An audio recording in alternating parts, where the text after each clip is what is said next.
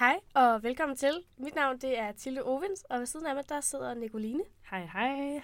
Vi går på Grundvis Højskole, og det har vi gjort lige siden august her i år. Og vi var til fest her i lørdags. Det er vi jo hver weekend. Øh, og jeg oplevede noget super nederen på dansegulvet, for jeg fik den her følelse af enorm ensomhed. På trods af, at jeg simpelthen var omgivet af alle mine allerbedste venner.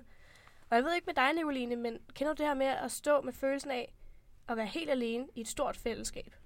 Det kender jeg sygt godt. Altså, jeg har været på Roskilde Festival en del gange, og jeg har bare stået for en orange scene nogle gange, og bare tænkt, fuck, hvor vil jeg hellere ligge i min seng og bare være alene. Øh, selvom jeg har været omgivet af sådan, nogle af mine bedste venner, og har haft en fest, så nogle gange, så kan man bare mærke, at man bare ikke har det der overskud sådan rent mentalt til at være i et socialt fællesskab. Øhm, og det synes jeg godt kan være ret hårdt, især hvis alle andre virker til at flyve rundt på den her lysrøde sky. Øhm, og det har jeg også oplevet flere gange her på højskolen, så det kan godt være hårdt nogle gange. Ja, og jeg tror faktisk, det er en utrolig universel følelse, som alle mennesker kender til og oplever i højere eller mindre grad. Men det er heldigvis noget, som oftest hurtigt går over, for de fleste i hvert fald. Men Nicoline, hvornår tror du egentlig, at de fleste danskere bliver ramt af det her med depressioner? Altså umiddelbart tænker jeg, at det må være øh, vinterdepressionen. Det er jo den berømte depression, man snakker om. Øhm, og det er også noget, jeg føler, at man sådan ret ofte omtaler, så man sådan, fuck, nu kommer vintermåneden, vinterdepressionen. Øhm, så ja, jeg tænker da helt klart, at der er flest, der, der bliver deprimeret her om øh, vinteren. Ja, det er, faktisk, det er faktisk virkelig sjovt, du siger det, for det troede jeg nemlig også. Men så fandt jeg over, faldt jeg over den her artikel fra eksperimentariet, og ifølge den, så var der faktisk flere personer, som får en depression om foråret end om vinteren, hvor du netop nævner det her med kulde og mørke, som ligger op til triste tanker. Ej, hvor vildt. Ja, og det er netop øh, det, vi synes er meget symbolsk, fordi vi føler, at vi er i vores livs forår, nemlig højskoletiden. Vi er konstant omgivet af en masse glade og energiske unge mennesker, og de her mennesker, som er fællesskabet, kan skabe en utrolig kraftig kontrast, når man går og føler sig utrolig ensom. Så derfor så drager vi en helt konkret parallel mellem det her med forårsdepressioner og højskolelivet, da det i begge tilfælde kan være utrolig svært at give plads til triste tanker. Og det er faktisk det, jeg rigtig godt kunne tænke mig, at vi snakkede lidt om i dag. Øh, og derfor har vi inviteret øh, Nora med ind i studiet, for at snakke om det her med svære følelser i fællesskabet, så vi undersøger simpelthen bagsiden af medaljen. Velkommen til Vores Livs Forår.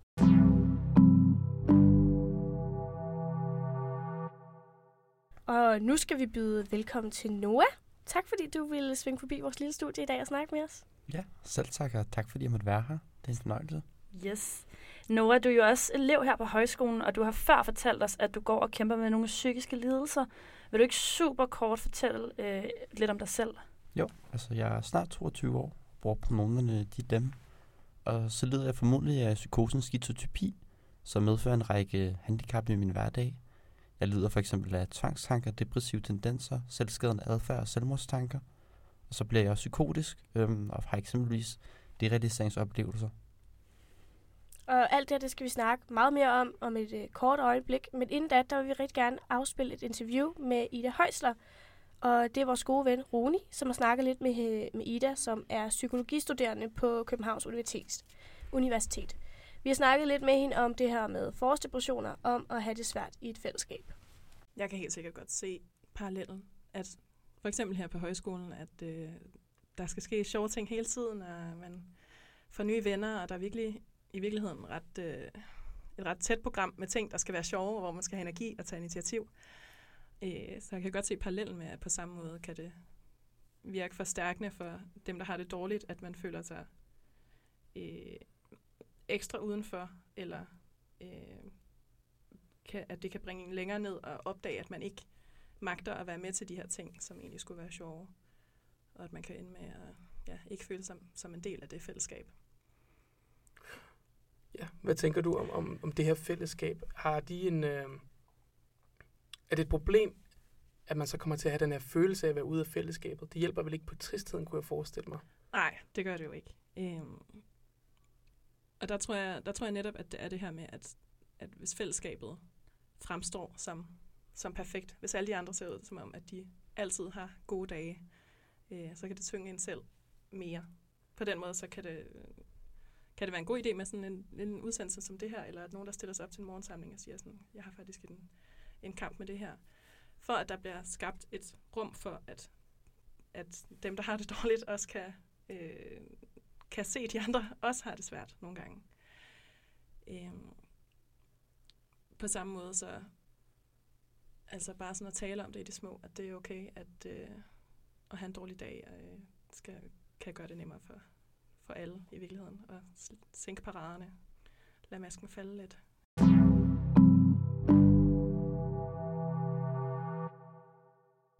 Yes, og det var lige allerførste klip, vi havde med, med Ida Højsler. Men øh, vi forlader hende ikke helt endnu, men inden vi vender tilbage til hende, så vil vi gerne lidt snakke med dig, Nora. Ja, Nora, du er jo med i studio, fordi du er utrolig god til at tale åbent omkring dit mentale helbred. Og vi kunne utrolig godt tænke os at forstå, hvordan det kan være at have det svært i et fællesskab, og vi er rigtig glade for, at du vil være her. Vil du ikke lægge ud med at fortælle, hvordan din sidste uge den har været? Øhm, min sidste uge, den har egentlig været rimelig god. Jeg har sovet helt af helvedes til, så jeg har været rigtig, rigtig træt.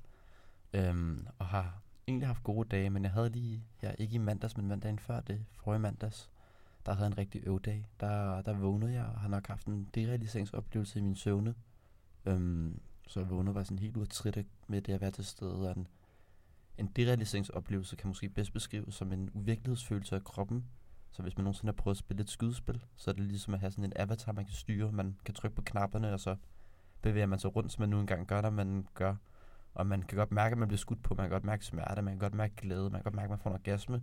Men det sker ligesom ikke rigtigt for en selv. Det sker for den her avatar, man har. Og så er man selv et tredje sted måske lidt over øhm, kroppen, sådan flyvende op i luften. Øhm, og sådan havde jeg det, da jeg vågnede her mandag sidste uge, og så vågnede jeg bare og var helt udtrit. Og så resten af dagen, der blev det meget uvirkeligt at være til stede, fordi man ved, at man tidligere på dagen har været så fjern fra sig selv, og så bliver det bare svært at forholde sig til de omgivelser, der er.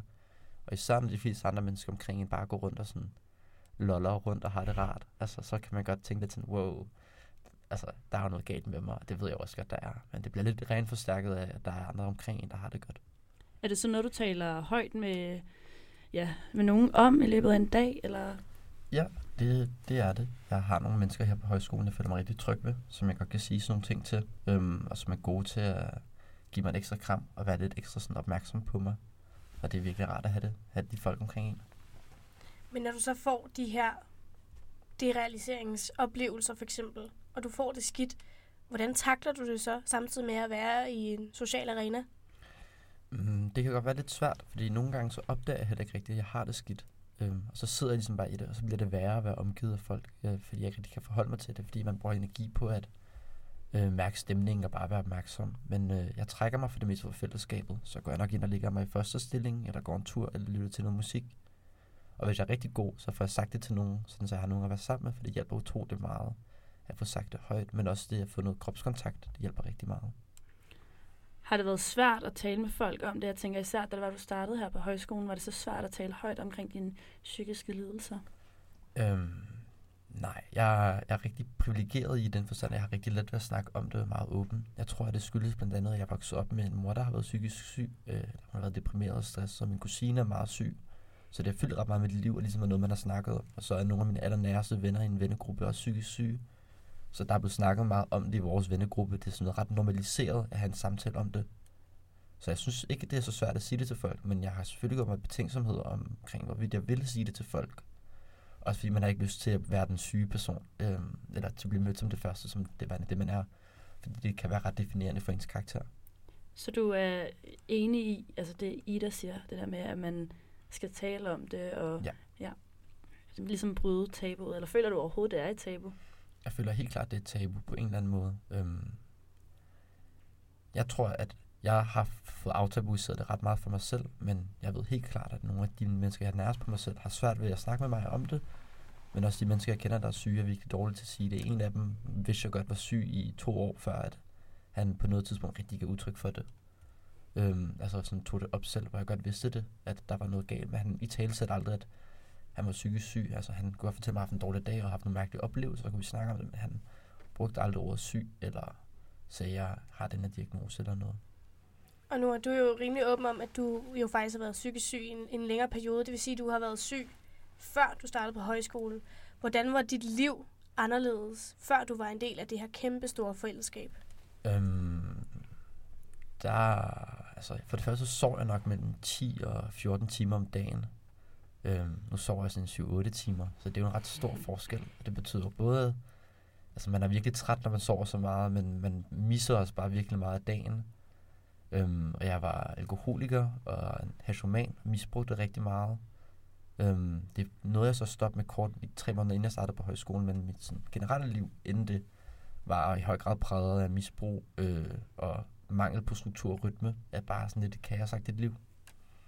Hvordan har det så været efter du er kommet på højskole? Har det hjulpet? Øhm, Jeg synes, det har hjulpet rigtig meget. Jeg tror, det med, at der er faste rammer, der er tre måltider om dagen, der er noget at stå op til, der er mennesker omkring en hele tiden. Jeg boede også alene, så jeg var rigtig meget ensom. Altså, jeg har studeret filosofi, og der har jeg 38 timers hjemmestudie, øhm, og så bor man alene. Det er virkelig mange timer, hvor man bare ikke laver noget. Hvis man så sover eller halvdelen af dagen i forvejen, ikke? så er det bare begrænset, hvor meget man får set andre mennesker. Så det at komme her et sted, hvor der hele tiden er noget at lave, der er folk omkring en, har gjort rigtig meget godt for mig. har det påvirket dig at være på højskole? Du siger selv det der med, at nu sover du 7-8 timer om dagen. Gør det noget for din, sådan, dit mentale helbred? Det synes jeg, det har gjort. Øhm, jeg har været i bedring i et par måneder, inden jeg startede på højskole, og bliver medicineret nu og på den dose, jeg skal være på. Og jeg tror, det kombineret med rytmen og strukturen har gjort rigtig meget. Mit helbred er meget bedre. Jeg bliver psykotisk meget, meget, meget mindre. Jeg har ikke rigtig slemme psykoser, som jeg plejede at have, og jeg stoppet med at selvskade, og mine selvmordstanker er sådan øhm, svundet ret meget ind. Mm. Det er vi virkelig glade for at høre. Ja. Ja. og vi kender jo, som det, vi kan høre på dig, Nora, også, og mig og Nicoline kender også folk, som døjer med psykiske lidelser og udfordringer. Øh, og man kan faktisk også se på rigtig mange statistikker, at der i løbet af de sidste par år er flere og flere unge, som øh, bliver diagnostiseret. Øh, øh, og derfor kommer der også flere pårørende. Ja, altså vi vil gerne vide, hvordan man som pårørende skal forholde sig til den berørte. Øhm, vi har også lige taget en snak med Ida øh, før, eller det har Rune gjort. Øhm, og øh, det vil vi gerne lige afspille for dig, og så vender vi lige tilbage til en fortsat snak med dig, Noah.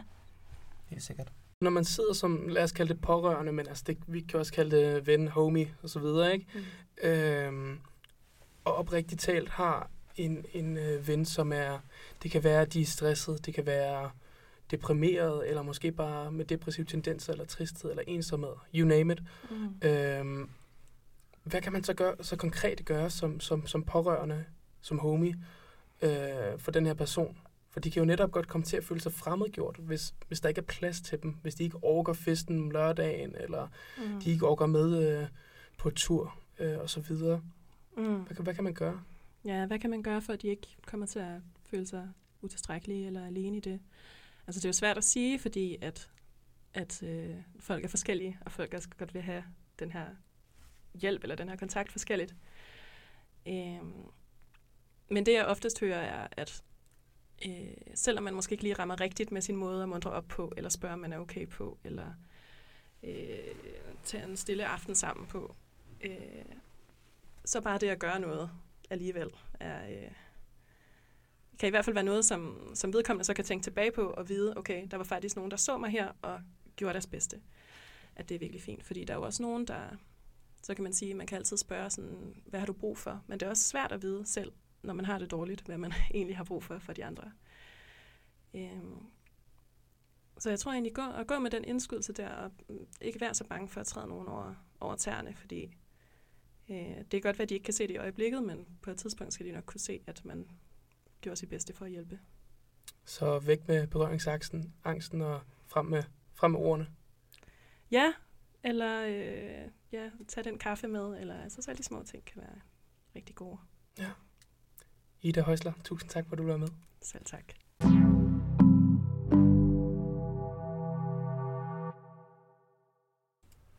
Yes, og her forlader vi så Runi og Ida. Ida kommenterer jo i klippet i øvrigt, at øh, hvis man som pårørende er vidne til en, der er nær, der døjer med psykiske sygdomme, at så er ansvaret for deres behandling ikke hos dig, men man skal i stedet for hjælpe den pårørende til øh, den syge til at finde øh, hjælp det rette sted. Ja, Noah. Og Ida siger jo også, væk med berøringsangsten. Vil du ikke fortælle, hvordan du har oplevet, at dine venner og familie har håndteret de her udfordringer og svære tanker, du ligesom går rundt med? Jo, det vil jeg gerne snakke om. Øhm, jeg tror helt klart, Ida har ret i mange af de ting, hun siger. Jeg kan hvert fald godt genkende mig selv i de behov, hun præsenterer. Øhm, især det der med at føle sig set, som hun sagde, det kan jeg virkelig godt øhm, genkende mig selv i. I forhold til min familie, så er det nok ikke så relevant at snakke om, fordi at, øh, jeg er ret alienated fra dem, og har ikke så meget at gøre med dem. Men mine venner har været rigtig gode. Øhm, og det tror jeg har været fordi, at vi har været syge al den tid, vi har kendt hinanden. Og det ligesom har præget vores forhold ret meget, at vi alle sammen har kunne være i psykiatrien og joke omkring, nu får vi den samme medicin, og sådan, nå, har du også mødt den her person på, hvad hedder det, psykiatrisk afdeling, eller et eller andet. Øhm, så de har været rigtig gode til at være der. Jeg tror, at øhm, en af de ting, jeg i hvert fald virkelig værdsætter, når folk gør, det er, at man ikke prøver at spejle sig selv i, øhm, i en sygdom. Altså det der med at sige, det kender jeg godt, eller jeg har det på samme måde, eller sådan kan jeg også godt have det, fordi det kan du nok ikke. Øhm, vi oplever verden forskelligt alle sammen. Og så i stedet for, så er det vigtigt at føle sig set. Det var også Ida sagde, at føle, at man bliver hørt og set, at man bliver anerkendt, og ikke at man bliver forsøgt forstået, men bare at man bliver accepteret. Det vil jeg virkelig anbefale folk at prøve at undgå at forstå noget. Øhm, I virkeligheden bare acceptere og udtrykke sin kærlighed. Øhm, og så de små ting, som Ida også siger, synes jeg er virkelig fedt. Altså sådan noget med at bare få en sms, hvor der står, hey, hvad så? Øh, hvad laver du? Eller har lyst til at drikke en kaffe. Det kan være virkelig rart. Også når jeg har det skidt, så tit at høre på andre mennesker, der bare fortæller om, hvad de har lavet sådan i deres løbet af en dag, eller et eller andet sådan basic ass shit. Det kan virkelig være rart, sådan bare at høre på, få tankerne lidt væk fra en selv. Det er virkelig rart med nogle sådan lidt konkrete råd øh, til, hvordan man sådan skal forholde sig til det. Øhm, hvordan har det påvirket dig at være i en vennegruppe, hvor at dine venner også har lidt af psykiske lidelser? Mm, det har været virkelig svært, også fordi at man skal jo passe på sig selv. Det vil jeg også sige til sådan alle pårørende, sådan at husk at passe på dig selv, og få, finde ud af, hvor meget du har dig selv. Du kan give ud, hvor meget energi du har til at kaste dig over din ven eller familiemedlem, der har det skidt. Fordi hvis man ikke selv kan, kan passe på sig selv med processen, så bliver man to mennesker, der har det skidt. Og det er værre, end der er en, der har det skidt. øhm, jeg tror, det har påvirket mig meget, at jeg også har været heldig at finde et sprog for, for hvordan jeg har det, fordi at mine venner har haft det skidt lidt før mig, eller har haft det værre end mig før mig, hvad man skal sige. Så de har ligesom kunne fortælle mig om deres oplevelser i psykiatrien, og hvordan det har været at være syg. Men de har også kunne finde et sprog, altså nogle ord, nogle måder at beskrive oplevelser og følelser på, som jeg kunne genkende mig selv i, og været sådan, den stjæler jeg lige, sådan, mm. det billede der, eller den måde, du bare snakker om det på. Øhm, men måske også se i virkeligheden, hvordan det er, man ikke skal gøre det, fordi de, mine venner har ikke været helt så øhm, opsøgende. Øhm, det er lidt mere noget, man skal sådan presse sig ind på, for at få lov at høre på. Ja, helt sikkert.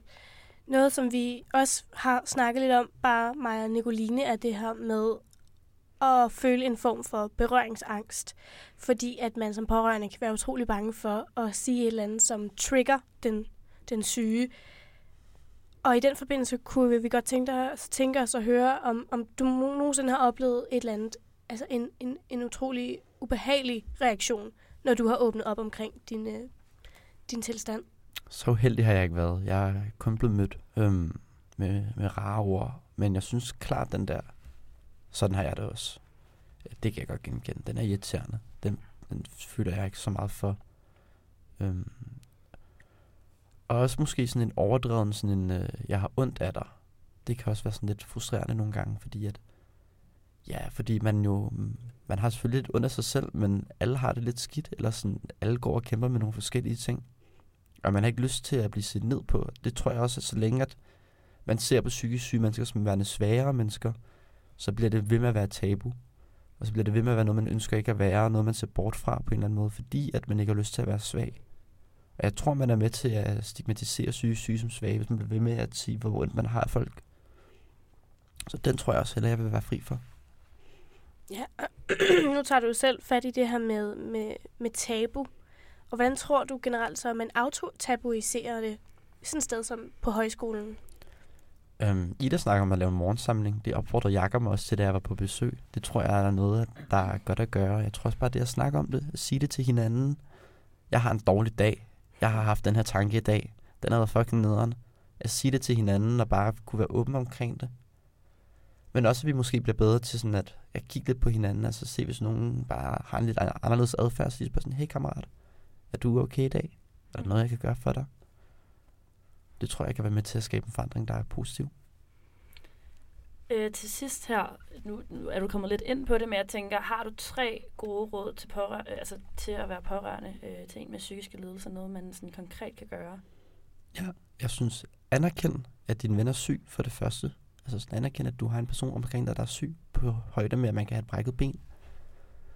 Øhm, fortæl, hvor meget du kan stå til rådighed, hvor meget du kan give dig selv ud, hvor meget energi du har, hvor mange sms'er du kan skrive om en, på en uge, eller og ofte du har lyst til at snakke om det. Øhm, fordi man har jo også, man skal passe på sig selv, som jeg også sagde før, men har jo ikke altid den mental space selv til at høre på andre menneskers problemer. Øhm, så at tilkendegive ens overskud, eller ens komfortgrænser for, hvad man kan høre på, så man får en bedre dialog.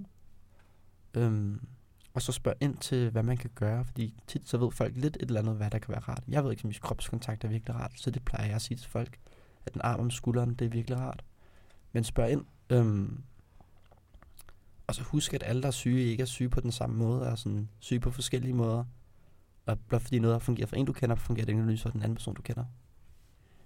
Tusind tak, fordi at du havde lyst til at snakke med os, Noah. Og særligt tak for at være så åben og ærlig omkring sådan noget så personligt og et svært emne. Vi håber jo, at den her samtale kan være med til at hjælpe andre og være med til at skabe en åben dialog. Så tusind tak for det. Ja, selv tak. Det håber jeg også, det kan.